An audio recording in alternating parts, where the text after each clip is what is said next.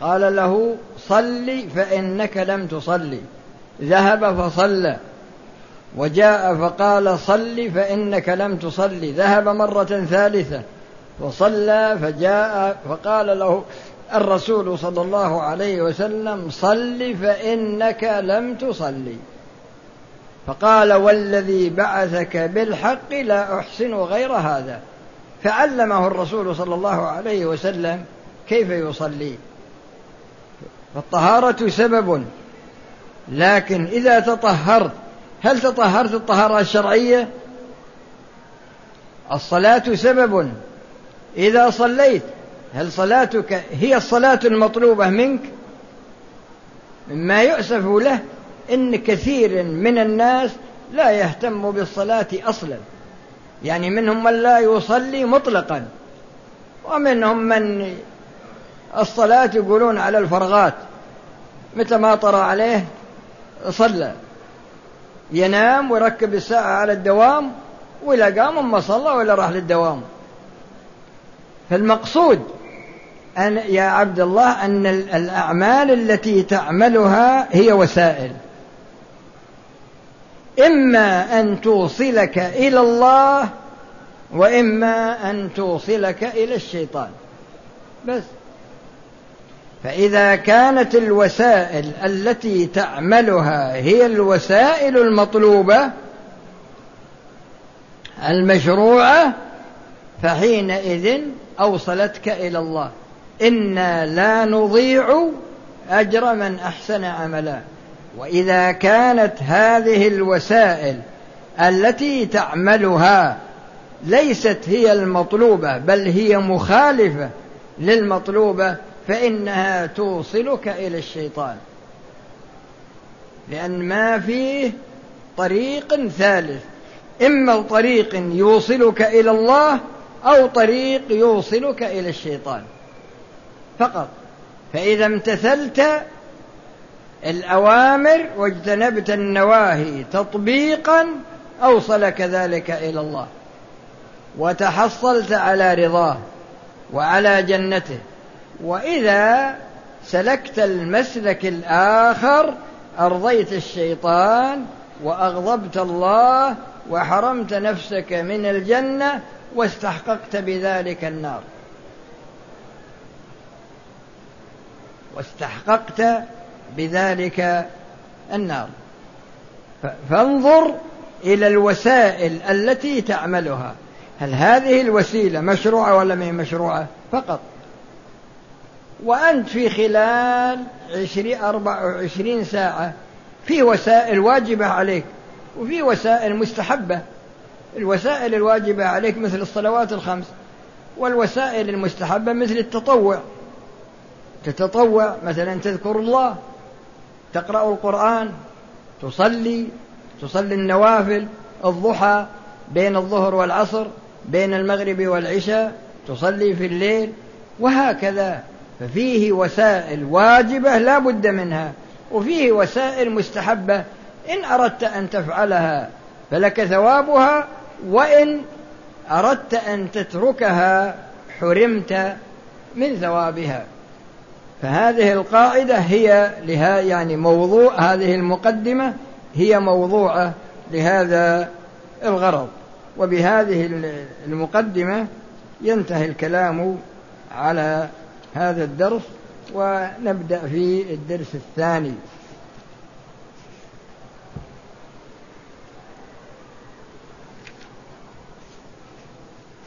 كلام كثير لكن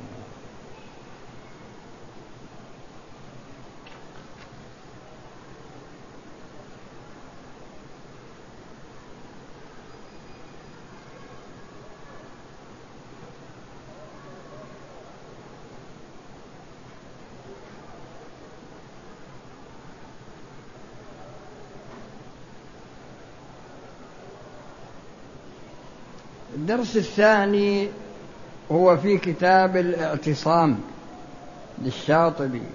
وأنا ذكرت في أول الكلام على هذا الكتاب أن هذا الكتاب يمتاز بالكلام على البدع. هو أحسن كتاب من كتب أهل العلم التي كتبت في البدع. وفي كتب كثيرة في البدع قديما وحديثا لكن هذا الكتاب هو أحسن الكتب التي اطلعت عليها قديما وحديثا في البدع. وسبق الكلام على معنى البدعة من جهة اللغة ومن جهة الاصطلاح وعلى شرح التعريف الاصطلاحي سواء قلنا إن البدعة خاصة فيما كان الأصل فيه التعبد يعني في أمور الدين فقط في أمور العبادات أو كانت عامة في أمور العبادات وفي غيرها. على حسب الخلاف وبينت لكم في محله ثم بعد ذلك تكلمت لكم على الأدلة العقلية الدالة على ذم البدع. الأدلة العقلية الدالة على ذم البدع. لأن الله تعالى يقول اليوم أكملت لكم دينكم وأتممت عليكم نعمتي ورضيت لكم الإسلام دينا. فسبق الكلام في الأدلة العقلية في ذم البدع. في هذه الليلة نتكلم على دليل واحد من الأدلة النقلية لأن الأدلة النقلية الكتاب والسنة والإجماع. يعني دل الكتاب على تحريم البدع ودلت السنة على تحريم البدع ودل الإجماع على تحريم البدع. فنتكلم لكم على دليل واحد من أدلة الكتاب. نتكلم لكم على دليل من أدلة الكتاب. يقول الشاطبي رحمه الله في هذا الدليل يقول وأما النقل فمن وجوه أحدها ما جاء في القرآن الكريم مما يدل على ذم من ابتدع في دين الله في الجملة.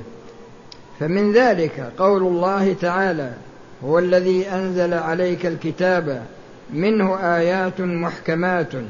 هن أم الكتاب وأخر متشابهات فأما الذين في قلوبهم زيغ فيتبعون ما تشابه منه ابتغاء الفتنة وابتغاء تأويله وما يعلم تأويله إلا الله.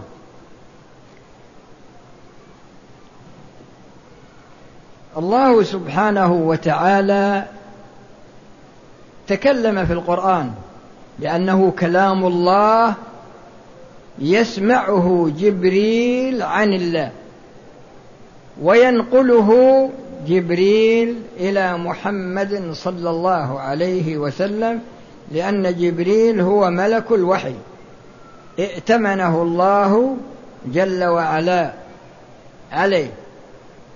نزل به الروح الأمين يعني وصفه الله بالأمانة. على قلبك لتكون من المنذرين بلسان عربي مبين. فجبريل سمعه من الله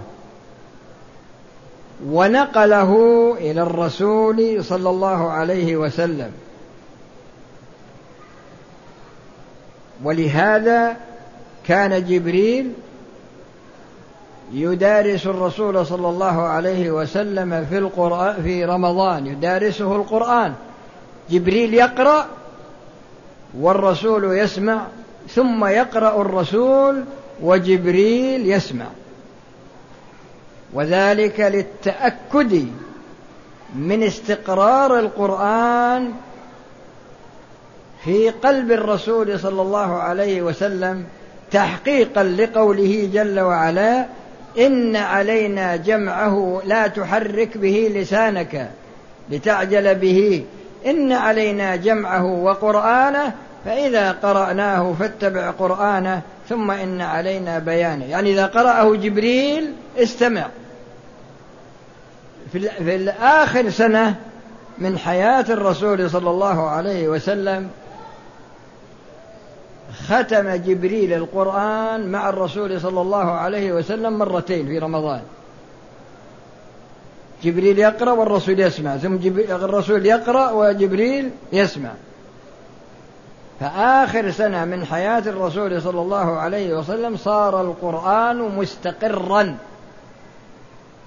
في قلب الرسول صلى الله عليه وسلم. هذا القرآن إذا نظرنا إليه وجدنا أنه أقسام. القسم الأول لأن في قسم واحد هو المطلوب. القسم الأول ما يكون من اختصاص لغة العرب يعني تعرفه العرب من لغتها مثل الصريم ومثل الزنيم ومثل الخرطوم يعني كلمات جاءت في القرآن لها تفسير لغوي. والثاني يعني ما تعرفه الخاصة والعامة مثل ولا تقربوا الزنا ولا تقتلوا النفس التي حرم الله إلا بالحق ولا تقربوا مال اليتيم إلا بالتي هي أحسن. إلى غير ذلك من الآيات الواضحة من الآيات الواضحة. والقسم الثالث قسم استأثر الله بعلمه. وهو ما يتعلق بالأمور الغيبية التي لا يعلمها إلا الله جل وعلا. ولهذا يقول الإمام الشافعي رحمه الله آمنت بالله وبما جاء عن الله على مراد الله وآمنت برسل الله وما جاء عن رسل الله على مراد رسل الله. القسم المطلوب هنا هو ما يختص بالعلم به أهل العلم. هذا القسم تجدون أن أهل العلم من الصحابة ومن التابعين ومن أتباع التابعين تجدون أنهم يردون المتشابه إلى المحكم فيجمعون بين المتشابه وبين المحكم. لأن فيه متشابه إضافي في الشريعة وفي متشابه حقيقي. المتشابه الإضافي هذا هو الذي يرد إلى المحكم. أما المتشابه الحقيقي فهو الذي استأثر الله جل وعلا بعلمه. استأثر الله جل وعلا بعلمه. فمثلا في قوله جل وعلا فيومئذ لا يسأل عن ذنبه إنس ولا جان. وفي موضع آخر فلنسألن الذين أرسل إليهم ولنسألن المرسلين. وفي موضع آخر وقفوهم إنهم مسؤولون. ففيه بعض الآيات تنفي تنفي السؤال. فيومئذ لا يسأل عن ذنبه إنس ولا جان وفي بعض الآيات تثبت السؤال. فيحصل عند الإنسان الذي في قلبه زيغ يقول هذا اضطراب في القرآن وهذا تناقض. لكن من رزقه الله بصيرة من رزقه الله بصيرة وتحصيلا علميا يرد المحكم يرد المتشابه إلى المحكم. وإذا أردنا الجمع بين هذه الآيات الآيات المثبتة للسؤال والآيات النافية للسؤال نجد أن مواقف القيامة يختلف. هذا من جهة. ومن جهة ثانية أن السؤال قد يكون سؤال تكريم وتعظيم أو يكون سؤال احتقار. أو يكون سؤال يعني خطاب احتقار. مثل جيب لكم مثال في سورة الدخان. إن يوم الفصل ميقاتهم أجمعين. يوم لا يغني مولا عن مول شيئا ولا هم ينصرون إلا من رحم الله إنه هو العزيز الرحيم. إن شجرة الزقوم طعام الأثيم كالمهل يغلي في البطون كغلي الحميم. خذوه فاعتلوه إلى سواء حتى قال ذق إنك أنت العزيز الكريم. أبو جهل كان يجمع بعض بعض قريش بعض كفار قريش ويأتي لهم بالزبد ويأتي بالتمر. ويقول لهم تزقموا هذا الزقوم الذي يعدكم به محمد. فيقول الله له يوم القيامة إن شجرة الزقوم طعام الأثيم اللي هو أبو جهل. إن شجرة الزقوم طعام الأثيم كالمهل يغلي في البطون كغلي الحميم حتى قال ذق هذا خطابه لكن هل هذا خطاب تكريم؟ مع ذلك الله يقول ذق إنك أنت العزيز الكريم. أين العز والكرامة وهو في النار؟ لكن هذا الخطاب هذا خطاب إهانة واحتقار له وربط بين العقوبة بين السبب وبين المسبب. يعني بين ما عمله في الدنيا وبين العقوبة التي باشرها في النار. باشرها في النار. فالمقصود أن مواقف القيامة مختلفة. ففي بعض المواقف لا يسأل أحد أبد. وفي بعض المواقف يسألون لكن قد يكون السؤال سؤال تكريم وقد يكون السؤال سؤال إهانة. فالغرض هو أن أصحاب البدع يدخلون هذا المدخل يعني يأخذون بالمتشابه الإضافي ويعرضون عن المحكم. يأخذون بالمتشابه الإضافي و و ويتركون المحكم. مثلا الآن محبة الرسول صلى الله عليه وسلم. محبة الرسول صلى الله عليه وسلم. إذا نظرنا إليها وجدنا أنها محبة طاعة لله. يعني كونك تحب الرسول الله أمرك بمحبته. فتحبه طاعة لله جل وعلا مثل ما قال عمر حينما قبل الحجر الأسود. قال والله إني لأعلم أنك حجر لا تضر ولا تنفع. ولولا أني رأيت رسول الله صلى الله عليه وسلم يقبلك لما قبلتك. فهذا طاعة. لكن أنا أحب الرسول. طاعة لله جل وعلا. لكن هل أنزل الرسول منزلة الله؟ وأصرف له ما هو حق لله جل وعلا؟ ما أفعل هذا الشيء؟ أنا أحبه لكنني أقتصر في محبتي له على ما شرع الله فقط. ولا أشرع لنفسي أنا لأن قل إن كنتم تحبون الله فاتبعوني. يحببكم الله. لا يؤمن أحدكم حتى أكون أحب إليه من نفسه وماله وولده ومن الناس أجمعين. هذا صحيح. هذا صحيح. لكن هل أنزل الرسول صلى الله عليه وسلم منزلة أعلى من هذه المنزلة؟ وأصرف له ما هو من حقا من من من خصائص الله جل وعلا لا. يقول قل إنما أنا بشر مثلكم لأن الرسول صلى الله عليه وسلم له صفات.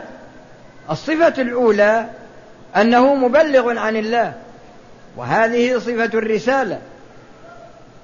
هذه صفة الرسالة. مبلغ عن الله وحيا والثاني أنه عامل بما يبلغه وهذا يكون على أنه فرد من أفراد الأمة. والثالث أنه بشر. قل إنما أنا بشر مثلكم. يوحى إلي. وفي خصائص أخرى له مثل بصفته يعني الإمام الأعظم بصفة القضاء وصفة الفتوى. لكن الغرض من هذا الكلام كله هو أن الذين يتبعون ما تشابه منه ابتغاء الفتنة وابتغاء تأويله الأدلة التي جاءت في محبة الرسول صلى الله عليه وسلم يصرفونها عن مراد الله ويصرفونها عن مراد الرسول صلى الله عليه وسلم ويضعون لها معنى من عند أنفسهم ويجعلون الرسول صلى الله عليه وسلم له منزلة كما كالمنزلة التي تكون لله. ولا شك أن هذا شرك أكبر. ولا شك أن هذا شرك أكبر. أنت تحب الرسول اتبعه فيما جاء به. قل إن كنتم تحبون الله فاتبعوني يحببكم الله ويغفر لكم ذنوبكم.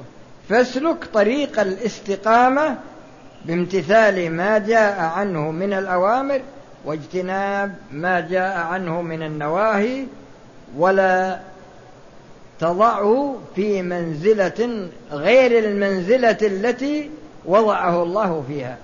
ومما يؤسف لأن كثير الآن هل يقيمون الموالد عندهم من الخرافات وعندهم من الأشياء إلى درجة أنهم يجتمع مثلا في بعض المواضع يجتمعون ويعتقدون أن حضر يعملون أشياء ما مو بهذا محل تفصيلها.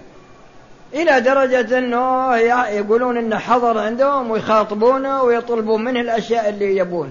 كل هذه خرافات. كل هذه خرافات. صحيح أنك إذا جئت وسلمت عليه في قبره رد الله عليه روحه ورد عليك السلام. لكن كون إنك تبي تبي تترك الآيات والأحاديث المحكمة وتأخذ بالأحاديث والآيات اللي فيها شيء من التشابه وتعتمد عليها وتترك الماء ما ترد المتشابه إلى المحكم وهذا مثال فقط وإلا فيه أمثلة كثيرة. لكن الشيء النتيجة أو النتيجة من هذا الكلام كله هو أن الله إذا تكلم بكلام أراد منه معنى. وإذا تكلم الرسول صلى الله عليه وسلم بكلام أراد منه معنى. أنت يا عبد الله تجتهد في إصابة المعنى الذي أراده الله في إصابة المعنى الذي أراده الرسول لكن إذا تركت المعنى الذي أراده الله تركت المعنى الذي أراده الرسول صلى الله عليه وسلم ووضعت معنى من عندك أنت. مثل قول بعض الطوائف إن الله يأمركم أن تذبحوا بقرة يقولون البقرة عائشة. وين عائشة من كلمة بقرة؟ وين عائشة من كلمة بقرة فتجد أنهم يسلخون المعنى الذي أراده الله يسلخون المعنى الذي أراده الرسول صلى الله عليه وسلم ويضعون معنى من عند أنفسهم ويقولون إن هذا المعنى هو الذي أراده الله هذا المعنى هو الذي أراده الرسول صلى الله عليه وسلم وهم يكذبون لماذا؟ لأن قواعد فهم القرآن وقواعد فهم السنة متقررة عند أهل العلم من عصر الصحابة إلى عصرنا إلى إلى عصرنا الآن. قواعد معروفة يعني قواعد فهم القرآن وقواعد فهم السنة معروفة مسجلة ومعروفة. من من من سلك طريق الإنصاف علمها.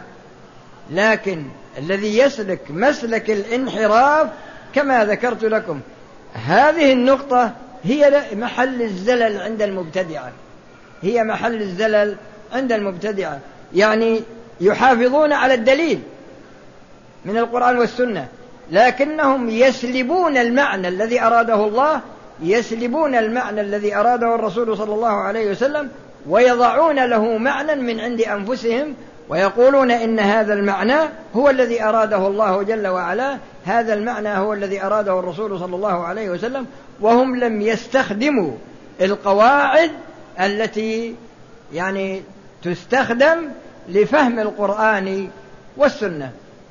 أسأل الله سبحانه وتعالى بأسمائه الحسنى وصفاته العلى أن يجعل, أن يجعل اجتماعنا هذا اجتماعا مرحوما تفرقنا تفرقا معصوما وألا يجعل فينا ولا منا شقيا ولا محروما وأن يتوفانا مسلمين ويلحقنا بالصالحين ويحشرنا مع الذين أنعم الله عليهم من النبيين والصديقين والشهداء والصالحين وأن يصلحنا ويصلح لنا ويصلح بنا وأن يحسن عاقبتنا في الأمور كلها في الدنيا والآخرة.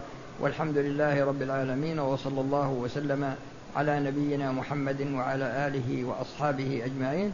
ومن كان عنده سؤال عن هذين الدرسين فقط يسأل. ها في أسئلة ولا ما في شيء؟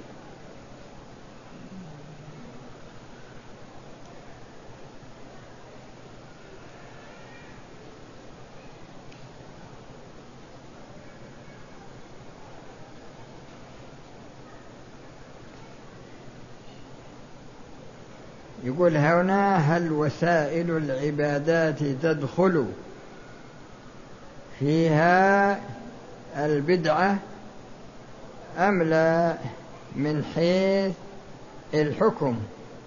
وما حكم وضع الخطوط؟ الله يرحم حالنا وحالك أنت ماذا يقول يعني هالخطوط اللي موضوعة في الحرم علشان الواحد يهتدي إلى القبلة بيجعل هذا من البدع. لا يا أخي. هذا ما يدخل في البدع. الله يصلحنا وإياك والحاضرين. شوف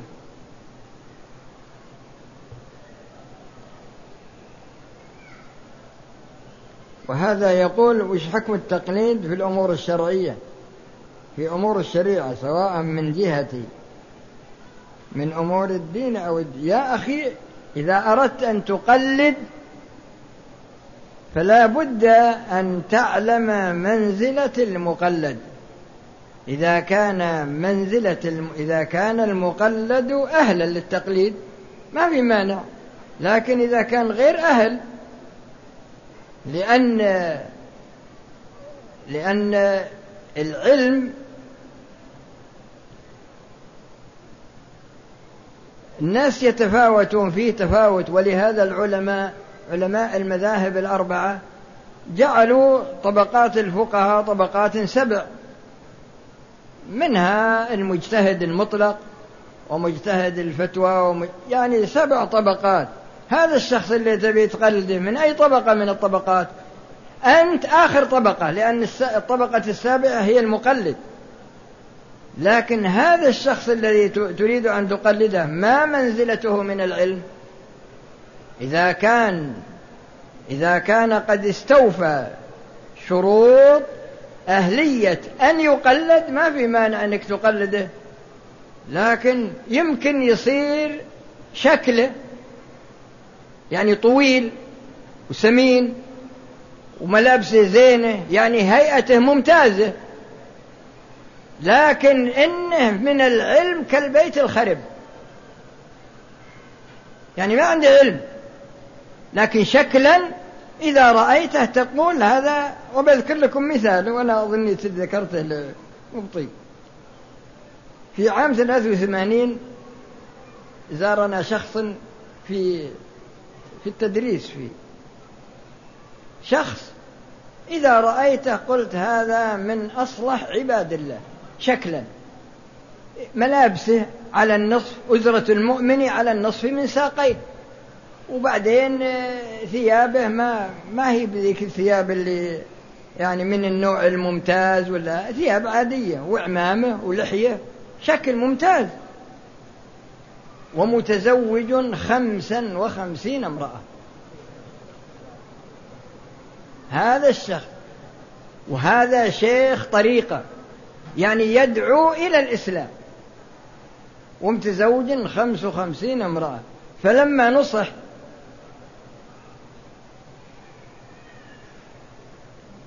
قال أربع زوجات وإحدى وخمسون هدايا من أولياء أمورهن.